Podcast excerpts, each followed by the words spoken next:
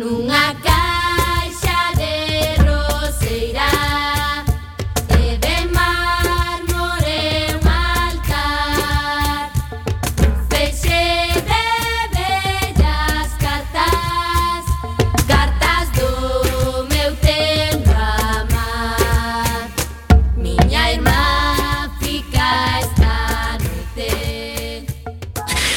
que tal, recendeiras e recendeiros? Benvidas e benvidos a este espazo radiofónico semanal dedicado á cultura que facemos en riguroso directo todos os martes ás 7 da tarde, aquí en Cuac FM no 103.4, a Radio Comunitaria da Coruña.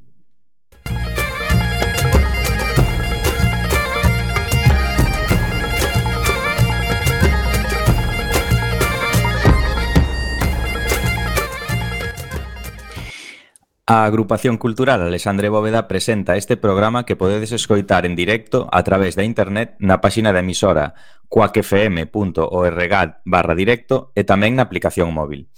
Se non chegastes a tempo, non tedes excusa, compañeiras. Podedes descargar todos os programas xa emitidos en Radioco, o megapodcast da nosa emisora, ou tamén podedes escoitalo na redifusión, que será os, mes os mércores ás 8 da mañán, os venres ás 16 horas e na madrugada do domingo ao luns ás 12 da noite. E a partir de agora seguídenos nas nosas redes sociais, tanto deste programa Recendo como da propia agrupación cultural Alexandre Bóveda, que teñen abertas as súas canles en Instagram, Twitter e Facebook, ou tamén, como xa sabedes, na web acalexandrebóveda.gal.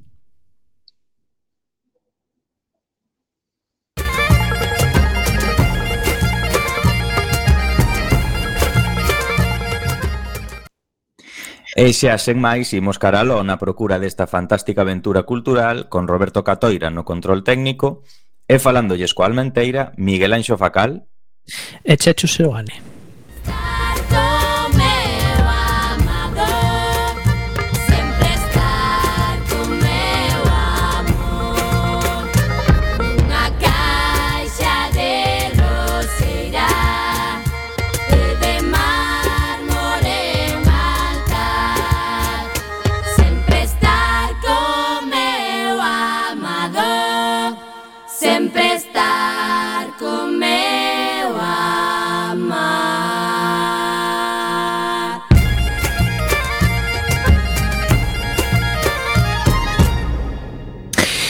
Despois do noso breve descanso polo entroido, continuamos con recendo este o programa número 367.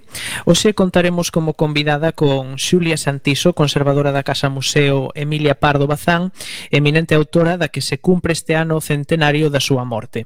De momento non haberá xendas culturais da Coruña e de Galiza, aínda que agardamos que en marzo poidamos anunciar algúns eventos, porque xa está comezando a activar o panorama cultural, pero si sí haberá actos da ACAP que comeza con forza despois do parón obrigado. No tocante á música de hoxe, se Emilia Pardo Bazán era unha muller routada, o mesmo podemos dicir de Mercedes Peón, que no 2018 editou o seu último disco, titulada Deixas, secundada por Mónica Denut e Ana Fernández.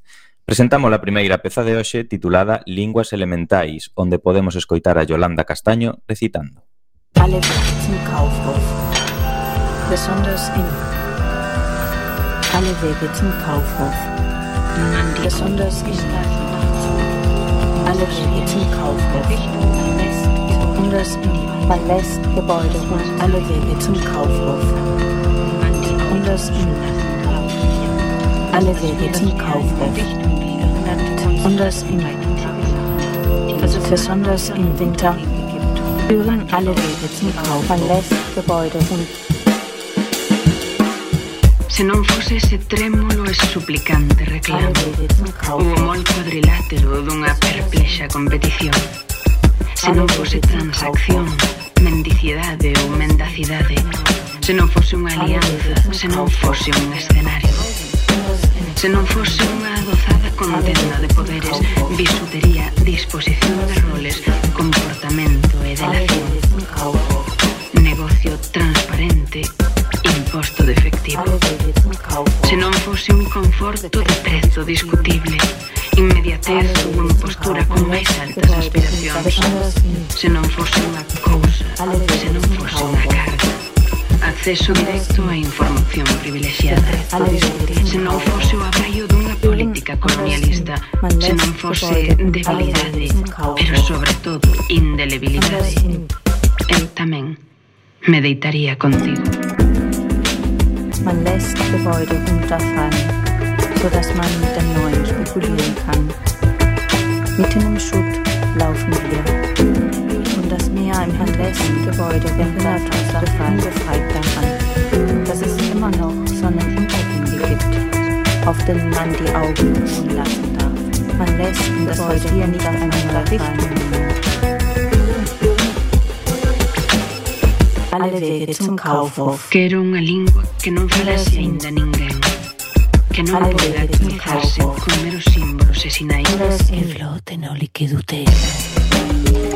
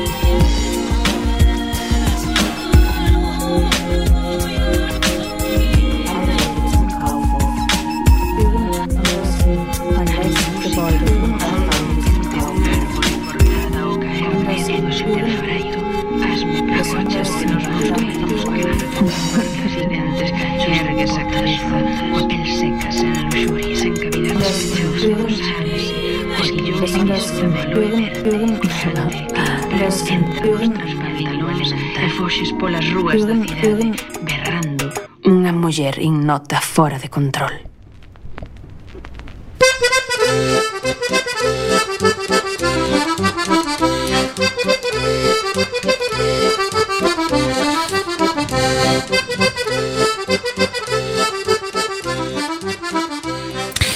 E como todos os programas comezamos coa xenda da nosa asociación Alexandre Bóveda que temos varios eventos que reseñar, comezando polo mércores 24, que a agrupación e a Asociación de Escritoras e Escritores en Lingua Galega organizaremos unha lectura eh, pública da obra de Rosalía no que se no día no que se celebra o seu nacemento. Contaremos con Alba María e Queco Díaz, improvisación oral en diálogo coa obra de Rosalía. Será o mércores día 24 ás 5 da tarde diante do Teatro Rosalía na rúa Rego de Auga. Podes descargar e ler na nosa web o manifesto da Asociación de Escritores e Escritoras en Lingua Galega para este día de Rosalía de Castro. Por suposto, animamos a que veñades a acompañarnos e ler a obra de Rosalía. E se queredes que vos reservemos un poema, non tendes máis que enviarnos unha mensaxe por correo electrónico e dicirnos que queres ler. E o, vinre, o Benres 26 inauguramos no noso local da Rúa Olmos 16 primeiro a exposición fotográfica de Manuel Bouzón. Unha dúcia, menos unha de imaxes para deixar registro dunha ollada á Coruña e á Contorna. Será ás 19 horas. As prazas son limitadas e, polo tanto, compre inscribirse a través do formulario na nosa web.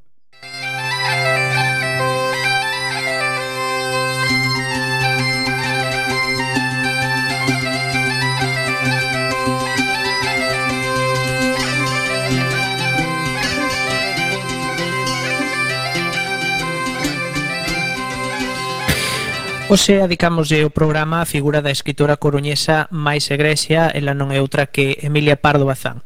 Para coñecer máis sobre esa ilustre literaria, contaremos coa presenza da conservadora do Museo de Emilia Pardo Bazán, Xulia Santiso. O museo está ubicado na cidade Bella, concretamente na Rúa Tabernas número 11. Ademais de acoller o museo, é a sede da Real Academia Galega por expreso desexo da filla de Pardo Bazán. No museo podemos atopar moitos enseres persoais da propia escritora, así como parte da súa biblioteca persoal actual. Dicimos parte da súa biblioteca porque o resto de volumes supóñense en mans da familia Franco. Estes libros pasaron á súa posesión unha vez que decidiron facer do Pazo de Meiras a súa residencia de verán. No Museo de Emilia Pardo Bazán tamén conta co arquivo persoal da escritora na que podemos atopar boa parte da súa correspondencia, aínda que non as misivas amorosas que intercambiou co tamén gran escritor Pérez Galdós. Este ano, ademais, da a particularidade de que se cumpre o centenario da morte de Pardo Bazán, o cal nos dá a excusa perfecta para dedicarlle o programa desta tarde. Con Emilia Pardo Bazán cúmprese o tópico de ser unha muller adiantada ao seu tempo. A súa figura foi polémica, tanto pola temática dos seus libros como polo seu feminismo combativo. A Pardo Bazán atreveuse a reivindicar a liberdade sexual das mulleres, un tema que estaba máis alo do tabú. Tampouco quixo plegarse aos roles que a sociedade tiña reservados para as mulleres da época. Emilia Pardo Bazán foi fundadora de revistas e profesora, a primeira muller profesora dunha institución tan respectada como Ateneo de Madrid. Tamén foi a primeira muller en, en ostentar o cargo de Conselleira de Instrucción Pública. Como escritora, publicou novelas tan afamadas como La Tribuna, Los Pazos de Ulloa ou Insolencia, máis de 600 contos, unhas cantas obras de teatro e poemarios, por non falar da miríada de artigos xornalísticos. Sen máis dilación, saudamos a nosa convidada, a conservadora do Museo Emilia Pardo Bazán, Xulia Santiso. Moi boas tardes, Xulia. Hola, boas tardes. Hola, Roberto, hola, Miguel e hola, Checho. Como ides? Encantados de terche de terte aquí pola tarde eh, eh, esperando facerche esta entrevista nun ano tan importante para a cidade e para a cultura galega como, como este. Bueno, agradezo polo moito. A vos e a toda a Universidade da Coruña que nos está escoitando. Que non? Bueno, eh, para comezar, queremos preguntarche un pouco así por a pola túa experiencia persoal, como chegas a ser conservadora dunha institución como o Museo de Emilia Pardo Bazán? Pois, a ver, eu son museóloga, fixen museoloxía na Universidade de Santiago, estaba traballando de freelance eh, facendo xestión cultural para un montón de entidades eh, na miña época éramos moi pouca xente as que facíamos esta xestión cultural hai moita empresa. Mm. Pero quería traballar nun, quería venderlle a miña alma a un solo demo. E con, con esa avidez que temos os autónomos, vin no xornal que a Diputación da Coruña pagaballe 12 millóns de pesetas, que desto hai moitos anos, a Real Academia Galega para remusealizar a Casa de Pardo Bazán. E a la FUN. E a la FUN e topei con Xosé Ramón Barreiro, que era o, aquel momento era o tesoureiro da Real Academia Galega, que me mirou de arriba abaixo e me dixo, nena, que? e encargoume unha primeira aproximación a un espazo museográfico. Eu eh, estaba eh, facendo moitas exposicións, entendo moi ben como é. É, é a miña casa, un museo. Entendo moi ben esa linguaxe. E nada, baixei ao espazo e vin o museo. Realmente non lles fixen unha presentación, fixenlle tres. E cando souberon que estaban falando con alguén que sabía un pouco, encargaronme a definitiva.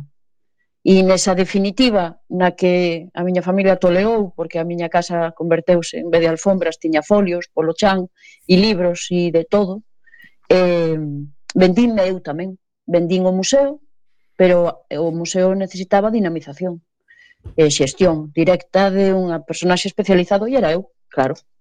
Entón tiña xa ese demo ao que venderme, non? Topei este personaxe que é espectacular e aínda estou aí. Aínda non fun capaz de desprenderme del e, bueno, traballando na revisión dunha persona que ten moito estereotipo sobre ela e que aínda ten que acadar moito do, da admiración que despertan nos que a coñecemos.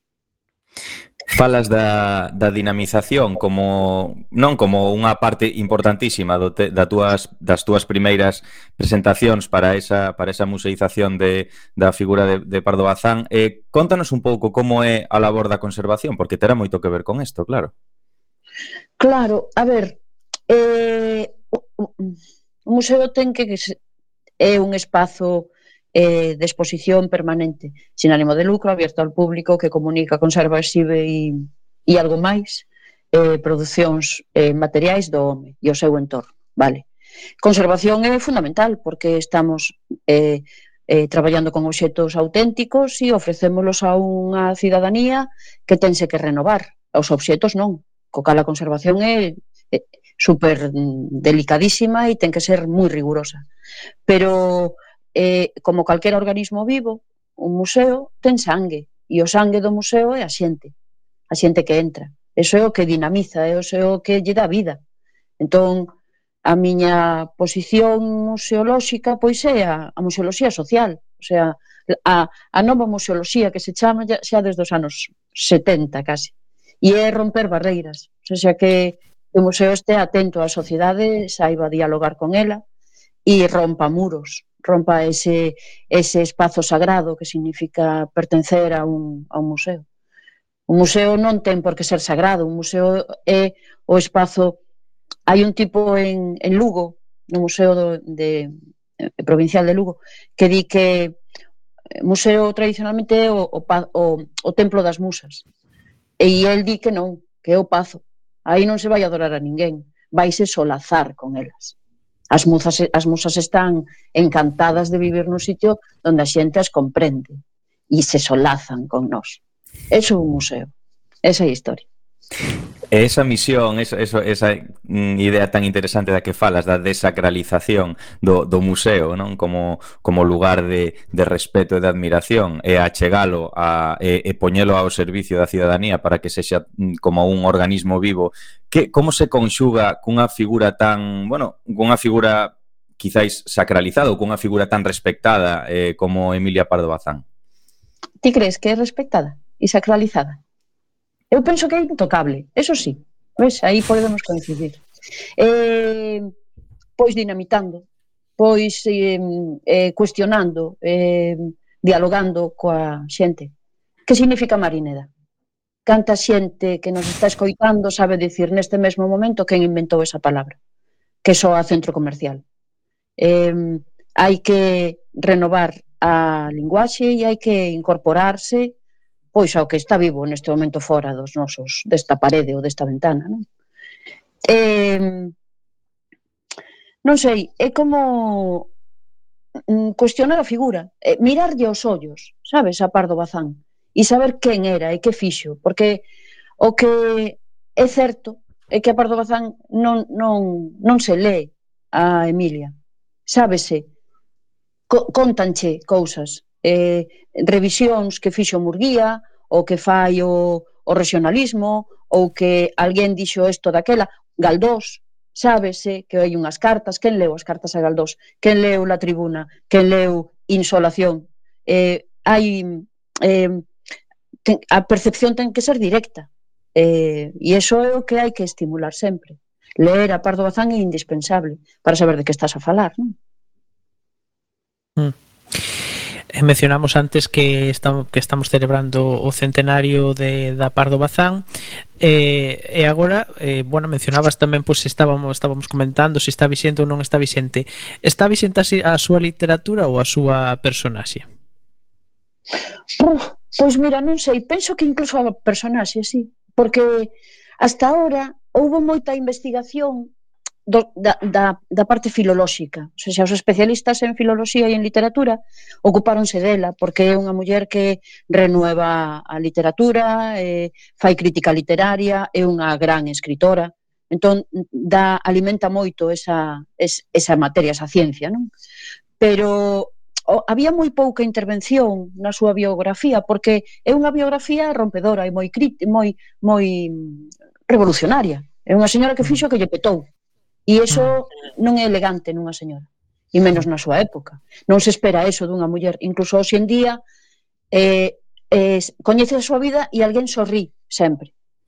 E a partir de, bueno, hai varias biografías anteriores, pero a partir da biografía de Eva Costa, que, que é do 2007, empezamos eh, no mesmo ano editan outra eh, Pilar Faus edita a Barrié e, e pouco a pouco empezamos a mirar aos ollos a unha señora que fixo da, da, da súa vida o que lle petou, o que, lle, o que quixo. Comprometeuse con ela mesma e foi eh, autónoma. Unha señora, separouse, ou seja, fixo o que, o que lle pediu o corpo. Mm. Eh, eh, eso é, mm. pois eso, interesantísimo. Perdón, di. Mm. Digo, dirías, por tanto, que queda moita obra de, de, de Pardo Bazán por descubrir. Sí, claro. Sí, moita. É que é unha muller infinita. Cada vez que te piden que escribas ou que montes algo sobre algunha faceta, sabes que te estás metendo nunha horta espectacular, porque é infinita. O sea, é unha muller que escribiu 600 contos. Incluso pode mm. que chegaran a casi 700. Escribiu mm. 2.000 artigos de contos, ah, artigos de prensa. Escribiu eh, eu que sei, 38 novelas, 18 biografías, sete libros de viaxes, mm está opinando sobre todas as cousas, está intervindo na sociedade da súa época. E cales crees que foron os motivos polos que nunca parou de escribir, porque ten este, porque polos que ten esta inxente cantidade de obras? Porque lle mola, gustalle moitísimo. Gustalle opinar, sobre todo gustalle estar demostrar a súa a, o seu interese pola sociedade na que vive. Entón, eso, lle, eso aleva a participar co protagonista na prensa da súa época. E os seus libros eh, tamén están demostrando eh, eso mesmo, a súa opinión sobre literatura e sobre tramas, sobre escenarios. Uh -huh. Ela ten, opina coa escritura e é, para ela é fundamental. Uh -huh. Eh, bueno, xa que comentábamos que a súa obra podemos xa afirmar que é algo descoñecida, eh, di que recomendarías para comezar a descubrir a súa figura? Que, que obra recomendarías especialmente? Pois teño que saber a ti que te gusta ler. A ti que te gusta ler? Eh, gustanche os libros gordos ou gustanche os contos? O sea, mm, mm, fino ou grueso? Hai xente que solamente lee tocho. claro, empecemos por aí. Eu hmm. son máis de tocho, a verdade. Vale, ves? Guai. Vale, pois mira, eh, obra obra extensa Eh, de Pardo Bazán hai tres maravillosas. Unha é Los Pazos de Ulloa, que é a súa o bestseller. Os Pazos de Ulloa escribe a recén separada, eh, ten que demostrar todo o que ten dentro e ten que afianzar a súa faceta de, de, gran, de gran intelectual e de gran literaria.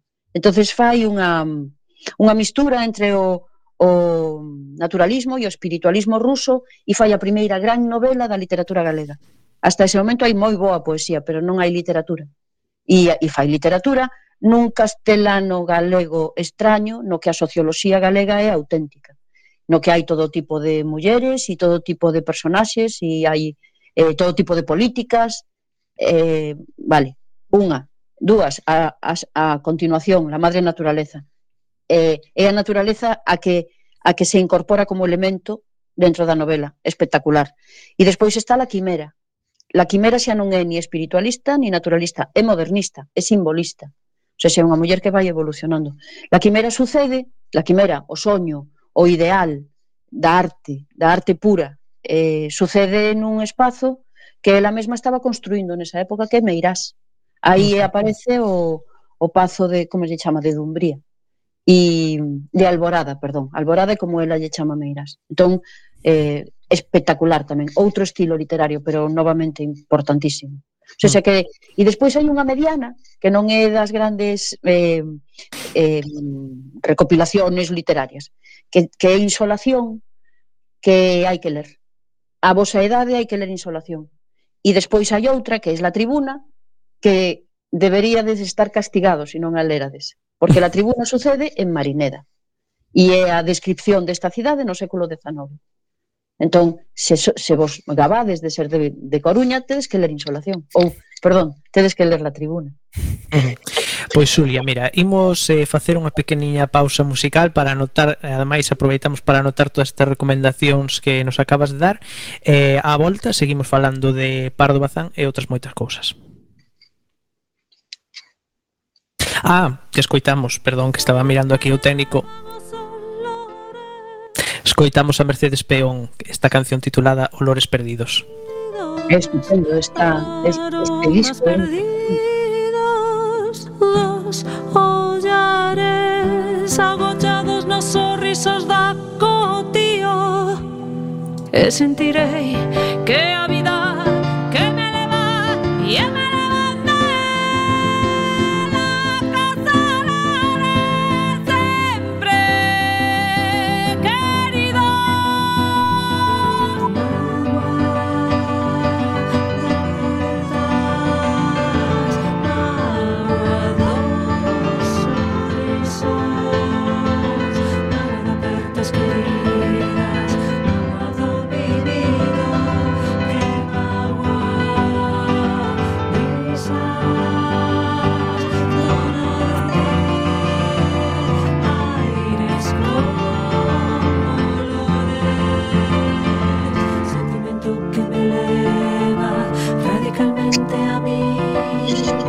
sentimento que me leva radicalmente a mí e a saudade que me leva radicalmente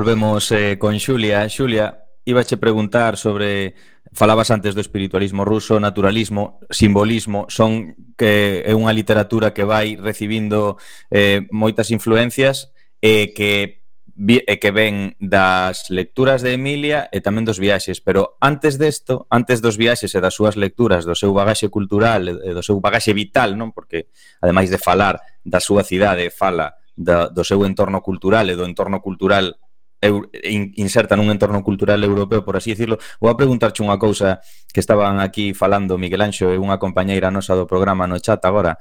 Eh, eh é certo que Emilia Pardo Bazán levábase non moi ben con Rosalía de Castro? Mm, claro, non se sabe. Eh, a miña eh, conclusión despois de... Eu levo 20 anos manexando esta figura e lendo todas as fontes directas que existen Eh, e a miña opinión é que, que con quen se leva mal é con Manuel Murguía, co esposo de Rosalía. Entre Rosalía e Emilia non hai máis que unha un respeto, mm, non sei si frío ou quente, pero valóranse e coñécense. E Emilia na, na, mm, na conferencia que dá no 85 no Círculo Artesano sobre la poesía regional gallega, fala de que Rosalía é a mellor poeta que ten e tivo Galicia nunca. E fala de que fala desde o coñecemento de que Cantares Gallegos é a obra de arte da, da poesía galega. Eh, diferenciando entre poesía galega folclórica e poesía eh, eh, non sei culta. Por exemplo, ela aposta porque a poesía folclórica a que leva o sentimento popular sexa en galego, a culta ten que ser en castelán. Facer un inciso para decir que nesta época o señor Manuel Murguía estaba facendo conferencias en castelán e non en galego. O sea, é eh, produto, hai que poñerlle datas a todo isto. Non se pode revisar desde hoxe en día. Hai que saber que eso é no ano 85, incluso antes, non? E que esta xente entre sí non falaba en galego. Pero, bueno, eh, mm, Rosalía escribe no abanico, nun abanico e Emilia mm, publica, o por suposto, porque encanta o que lle escribe Rosalía, e lle di eh, sembrada polas musas, ferida polas hadas, nun corazón que vive de armonías, ben merece de reinar como reinades, magnífica, absoluta e soberana. Eso dille Rosalía e Emilia.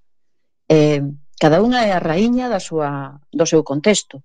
Non teñen, teñen moi pouco que ver, eh, a, a posición xeográfica, pero Rosalía é burguesía e romanticismo e Emilia é aristocracia e realismo. Non hai nada que discutir aí, eh, para nada. A Xenreira non ven de Rosalía e de Emilia, a Xenreira ven dunha, dunha presidencia da Sociedade do Folclore Galego, que del folclore gallego, que lle encargan a Emilia e que ela pasa a Murguía e que Murguía non é quen de conseguir para os seus porque Murguía non é folclorista, é regionalista. Entón acaba por o presidente dos folcloristas españois acaba pasando dele e acaba dándolle a presidencia a Emilia. E a Emilia encantalle, lle di, me vais a nombrar presidente ou presidenta? Como é isto? E claro, e fai no ben. Entón, Murguía síntese excluído de unha dunha presidencia ou de unha asociación que tiña que ser para él. E iso unha señora non, non é correcto que o faga. Entón aí hai, pois houbo sempre unha xenreira, que despois derivou en moitas outras cousas, non? E, e sí, para min é Murguía, para min e para moita xente. É Murguía o que mete, o que mal mete. Outros son eh, eh, opinións políticas. Emilia opina, Emilia é hispanista e é europeísta. E o folclore é importantísimo para ela. A música folclórica, eh, cando foi presidenta da Sociedade Folclórica Galega, edita el Cancionero Popular Gallego de Pérez Ballesteros, é o primeiro que fai, porque mola, lle, gustalle moito, pero entende que eso é folclore, o sea, son opinións. Non, non penso que houbera unha xenreira para nada. Uh -huh. Non, hai respeto, porque as dúas saben con quen, de, a quen se están a referir, non?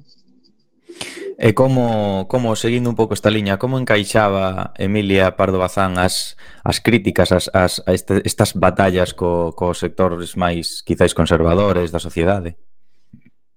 Es que sabes que pasa, que Emilia ten batallas con todo o mundo. Emilia es, es así ella. Ten, Emilia ten a súa propia opinión sobre todo o que lle rodea. Por eso ten que escribilo, porque ten a súa propia opinión. E entende que, como todos os artistas, ten ego e pensa que a xente debe coñecer a súa opinión e escribe. A, o mundo da arte móvese por eso, porque os artistas están demostrando o seu posicionamento. Non? Que fai esta, esta muller? Pois eh, Emilia é, é condesa, ou sea, se pertence á alta aristocracia a, a unha aristocracia, porque é un, é un condado que lle lo dá un papa ao, ao pai. Pero distínguese pola, por ser aristócrata, non é burguesía é aristocracia. Ela di que a burguesía é falsa, que únicamente teñen un barniz, que non, non teñen esas bibliotecas de eh, tradicionais nas casas, acaban de chegar. Teñen, aínda teñen moito que ler e moito que formar. Entón, mm. esa é a posición de Emilia. Eh, vale. E dentro desa posición inventa palabras como mujericidio, denuncia malos tratos, denuncia a prostitución, eh, reclama leyes para as mulleres, eh, quere estar no medio da, do meollo sempre, e, e iso non é elegante para unha señora dese século. Unha señora aristócrata dese século espérase outra cousa completamente diferente do que dá Emilia.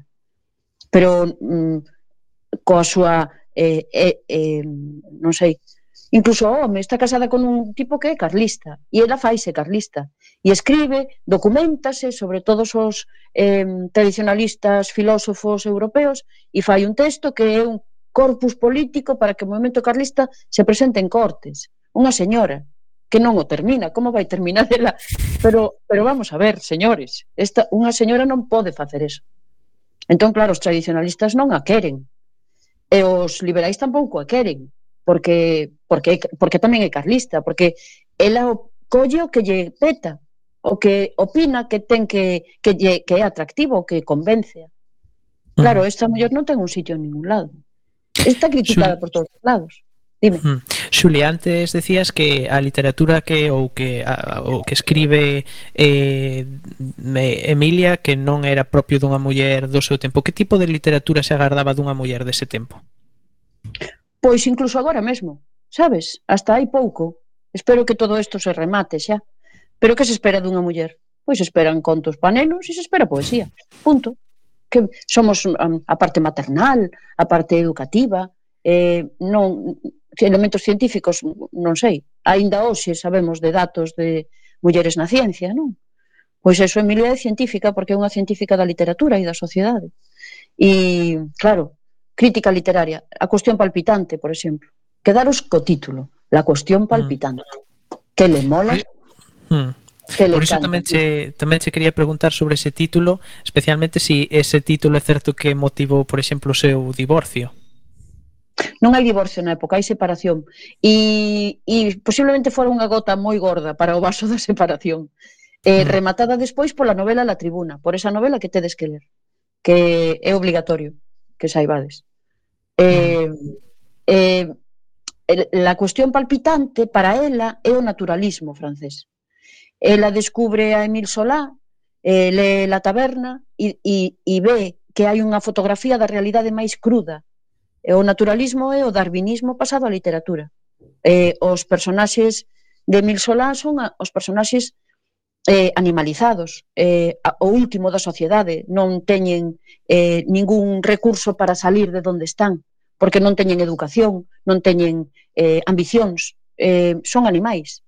Eh, La taberna é unha novela cruda, Naná é unha novela moi cruda, 1870 e pico. Europa debeu de levar as mans á cabeza co naturalismo, pero a Emilia gustalle e desentrañao. Ten que entender que é o naturalismo, entón fai crítica literaria sobre el. E a crítica literaria titula La cuestión palpitante. E La cuestión palpitante eh, edita na prensa e cando edita en libro prologalla Clarín, porque é moi boa.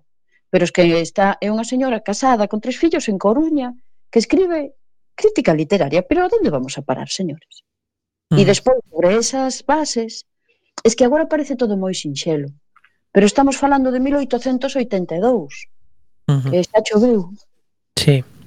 Mm. E sobre esas bases ti... escribe a novela na tribuna. Mm. Ti crees que era consciente de que os seus libros ian xerar, xerar tanta polémica? Sí, pero tamén eh, eh, Emilia ten unha educación na que lle dicen que que bueno, que non pode haber dúas morais para dous sexos. Eu penso que esa rapaza crece en sentimento de liberdade e, e, e continúa nel. Entón, eh, a crítica é algo ao que nunca escapa, incluso moitas veces a provoca, porque gusta a polémica moitísimo, pero faino con contundencia e con, e con coñecemento. Entón é eso, eh, que vai recibir crítica seguro, de todo. Mira, acaba de escribirme agora ao museo un, un restaurante, o restaurante Eclectic, que, bueno, fixenlle chegar uns libros de gastronomía de Emilia e enamoráronse, porque dices que está provocando hasta en gastronomía, porque está, eh, o sea, quere a, a cocina francesa que a que domina, incluso hoxe en día, pero a quere en castelán e non quere utilizar palabras en francés porque temos que chamar isto. E, e quere eh, que, a, que a gastronomía tradicional, dice que a gastronomía dibuxe a alma do povo, non? Pois que a gastronomía tradicional galega suba hasta categorías de cocina española. Eh, non sei, sempre, sempre ten que ir pola tanxente. Nunca estaba adiantada, estaba adiantado o seu tempo, vaya. Sí, máis que adiantada o que é, é autónoma. Adiantada con respecto ao demais mulleres, por suposto.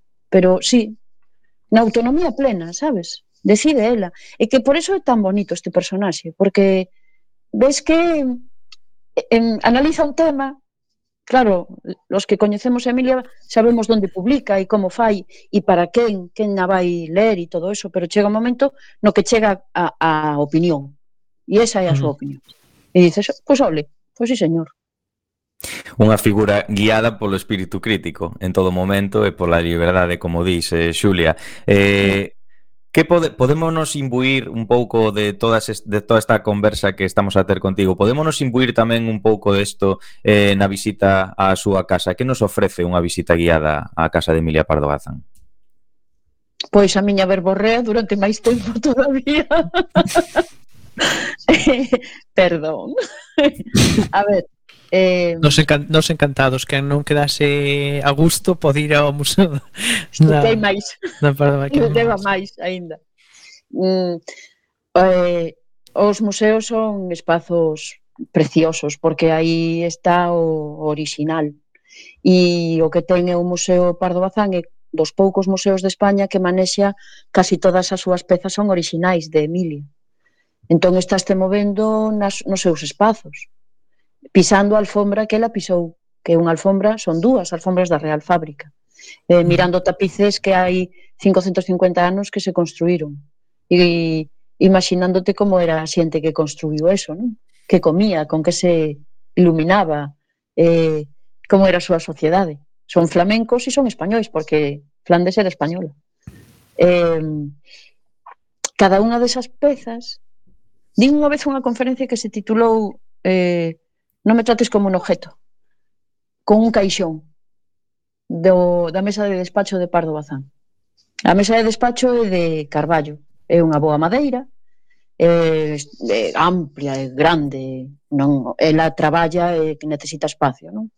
Pero os caixóns son de caoba. O sea, xa, ela respeta tanto a súa propia produción que non lle importa, a, a caoba é, a, é ouro, é a millor madeira que hai, ten un, é como o buxo daqui, ten un crecemento moi pequeno, moi lento, entón nunca admite couza. Eh, é, eh, in, imbatible, ou seja, eso nunca se vai deteriorar. Pois ela quere caoba para os seus caixóns, para os seus eh, folios, para a súa produción literaria. Eh, esas cousas, eh, bueno, eh, non sei a temática, as mulleres que están no museo son desde raíñas asesinas, está Tomiris, a raíña que mata a Ciro, eh, pasando por unha virxe do leite, eh, pasando por, eh, non sei, unha amazona nun reloxo. Todas esas son as mulleres, non somos as musas, que tamén hai musas, pero non somos as, as fadas que estamos nos outros museos. Este é un museo de mulleres. Eh, sí, penso que se, se entende eh, a sala da, da tertulia, as, o salón está cheo de coronas con dais. Eles acaban de chegar a, a aristocracia. O seu pai chega en 1871 e ese sillón son desa época, porque te son condes ya, chispún. Entón, poñeno nos mobles, e nos platos, e nos vasos. E é toda esa, ese mundo no que se moven. Sí, claro, hai que visitar os museos, por Dios. E, e cale, cale a, a súa... Ti que dirías? Cales son as dúas ou tres obras literarias que están na súa biblioteca que máis poden sorprender? Cal biblioteca que ela produce? A súa, non, a, a súa, a súa biblioteca que ela lé. Pois non sei, mira, unha vez nunha visita estaba falando con esta inmudez que teño eh, sobre a encuadernación, porque os libros que viñeron de Meirás eh, a maior parte deles están sin encuadernar, están en rústica. O sea, seguramente os franco tiveron aí unha selección estética bastante importante, non? Entón faláballe de que a rústica é como se mercan os libros, de que despois poden estar encuadernados en cartoné, que é cartón, incluso poden ter o lomo de pel ou, ou de tela, e os libros que están encuadernados en coiro son os vos, son os boísimos, porque estás pagando por esa encuadernación que vai reservalos sempre. E xustamente miros que hai en Coiro e estaban os libros de Mil Solá e os libros de Benito Pérez Galdós. E me encantou. O naturalismo. Claro, exactamente, porque Solá para ela foi un... Mm. Ela preséntase en sociedade chamándoselo a Capitana Verdades, porque está facendo naturalismo, está encantadísima con capitanear ese, ese grupo. E Galdós e Galdós. Maravilloso, non? Ademais, para, para, para ti que eres a, a conservadora encontrarte con ese exemplo tan bo da, da encadernación en coiro de, de sí. do, do, dos dous eh, capitanes, non? Do naturalismo. Sí, claro, claro, claro. Vamos a vamos a facer agora, Xulia, unha pausa pequeniña porque vamos a escoitar a seguinte canción de Mercedes Peón que se titula Ela propón.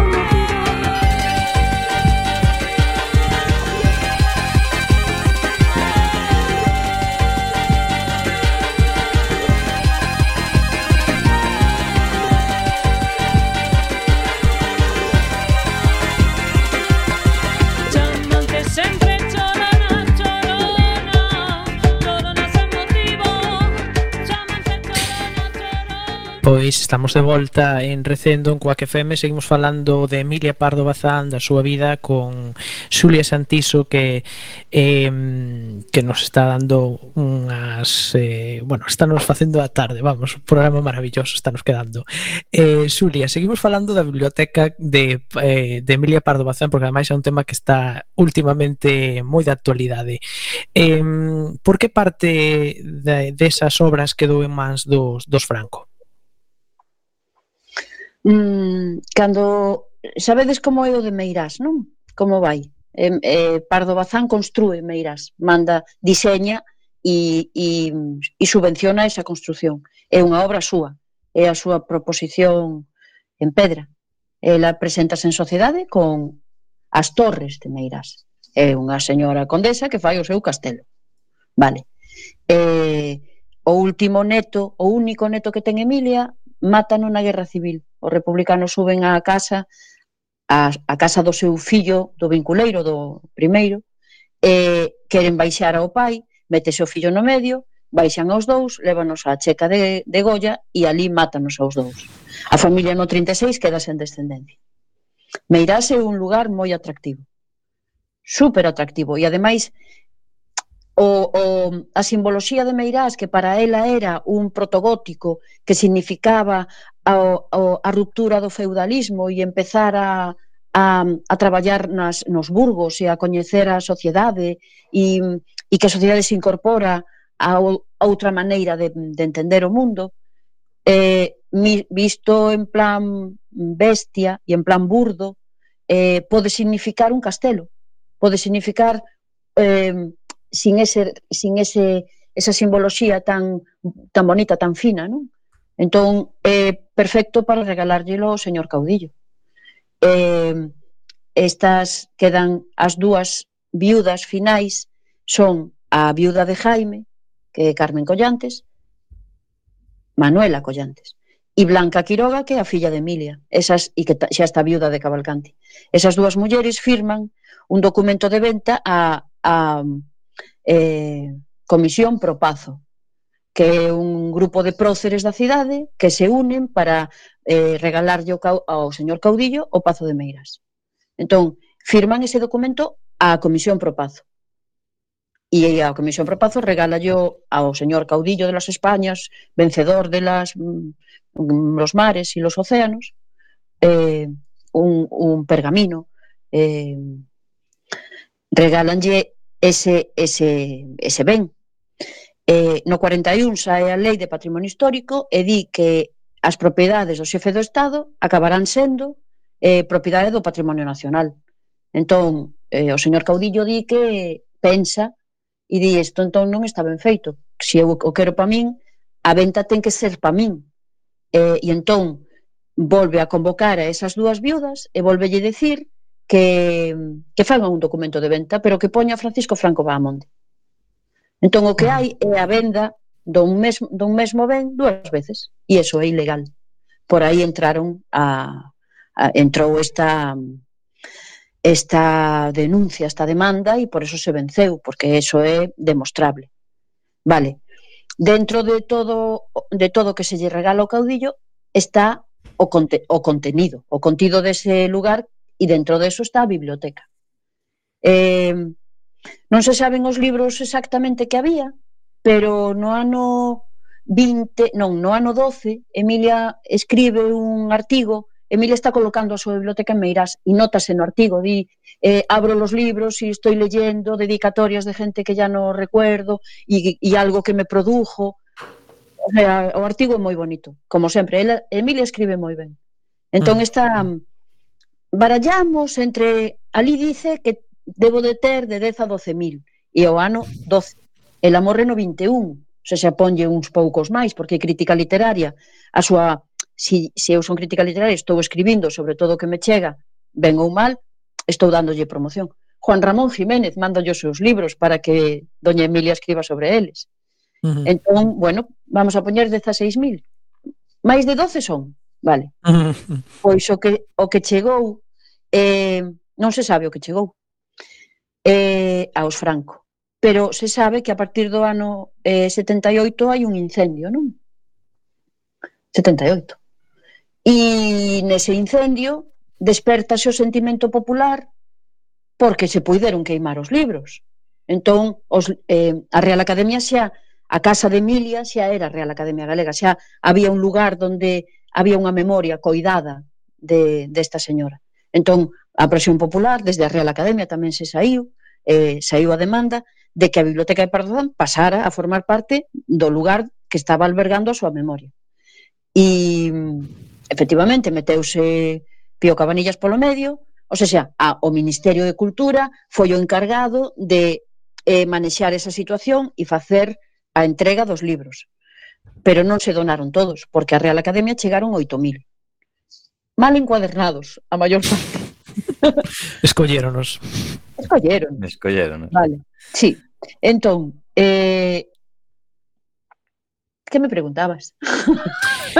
Pois, eh, a pregunta eh, enlazaches con moitas cousas que, claro. que tiña aquí Pero agora falando precisamente da casa e que xa ademais eh, estamos un pouco mal de tempo, eh, non sei se sabes que, por exemplo, o Conselleiro de, de Cultura declarou que eh, o uso que lle quere dar ou que, que lle pensan dar ou que poderían darlle a, ao Pazo de Meirás pois xa tamén dedicarllo a figura de Emilia Pardo Bazán eh, preferentemente sen olvidar outras cousas, non?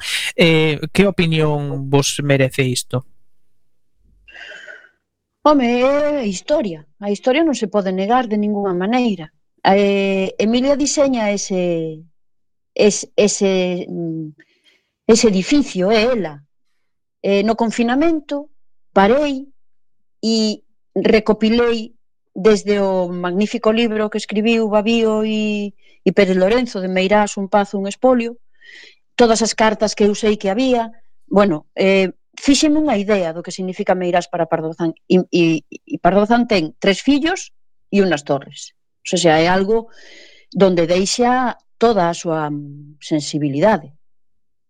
Pero es que despois ese lugar tivo tamén moitísimas outra vida, non? Unha reunión de ministros anual, unha convocatoria de de políticos, de militares, de e todo eso hai que narralo tamén, por suposto. Eh, eu penso que o que se está barallando é o porcentaxe de espacio que se lle vai dedicar a cada un e a importancia que pode ter cada un. Eh, claro, eu son pardo bazaniana e é unha figura que que necesita ter un espazo, porque Pardo Bazán non escribe galego e está na Real Academia Galega. E Pardo Bazán non é unha señora da dictadura e vai compartir espacio co señor Caudillo. E entón, que queda dela? Donde está ela? Non ten un espacio de liberdade para ela. Meirás o construiu ela. Uh -huh. Pero non se pode negar que o Caudillo pasou por ali e hai que narrar todo o que pasou ali, porque se se olvida da historia se repite e non se pode. Entón, claro, pero creo que é cuestión de porcentaxes nada máis, porque é evidente que teñen que estar os dous. Uh -huh. É que, mm, Xulia, xa para rematar, quédanos minuto, minuto e medio desta viaxe fantástica que, que fixemos esta tarde con contigo pola, pola figura de Pardo Bazán e, e polo seu... tribuna. E ver na tribuna. Vale. Imos, imos. Eh, e polo seu pensamento, mm, dinos eh, un par de eventos, algún evento, o evento máis importante que, que nos queira recomendar este ano da, da conmemoración do seu centenario. Pois vai haber un pouco de todo, vai haber desde académicos eh, reunidos ne, en, en, en congresos, un que organiza a Real Academia Galega, outro que organiza a Universidade da Coruña, vai haber exposicións, ven unha exposición que vai a estar espectacular, porque ten un montón de cartos adosados a ela, desde o Ministerio, a Xunta, o Concello, eh, eh, todo o mundo está colaborando con Isabel Burdiel, que é a última gran biógrafa de Pardo Bazán, para facer esta magna exposición que sae da Biblioteca Nacional eh, e que espérase como auga de maio que chegará en setembro aquí. E no mesmo mes de setembro inaugurarase tamén outra exposición que tamén formo parte dela, donde se vai falar de Marineda. De Marineda cidade, non de Marineda. Venga. Entón, veremos como Emilia describe esta cidade con esa forma maravillosa que ten de describila. E espero que tamén sexa un punto de, de atención non á cidadanía. Pero vai haber teatro, vai haber eh, música, vai haber un pouco de todo. Visitas guiadas pola rúa, vamos, de todo. Espero que participedes e que e que coñezades a Emilia, sabes? Que saibades mirar aos ollos a esta muller mm. e sacarlle todos os estereotipos que a rodean. Mm. Pois quedan aí quedan avisados os nosos e nosas ouvintes. Nós neste programa aprendemos moitísimo máis de Emilia, estou segurísimo. Eh, nada, foi un placer compartir contigo esta hora de programa, Xulia. Moitísimas gracias. Gracias a todos. E nos, en tempo para máis eh, Odisea, imos chegando a fin do camiño deste recendo. Despedimos o programa de hoxe agradecendo aos nosos convidados que, como sempre, son de honra. Hoxe estivo con nós, como dicíamos antes, Xulia Xantiso. E agradecemos tamén a pedra angular de todo o noso comando e equipo de producción formado por Javier Pereira, Gema Millán e Roberto Catoira. E eh, aquí estivemos pola tarde nas ondas en, e con vos nas vosas casas Roberto Catoira nos controis e cual en todo do micrófono Miguel Anxo Facal e Chechu Seoane.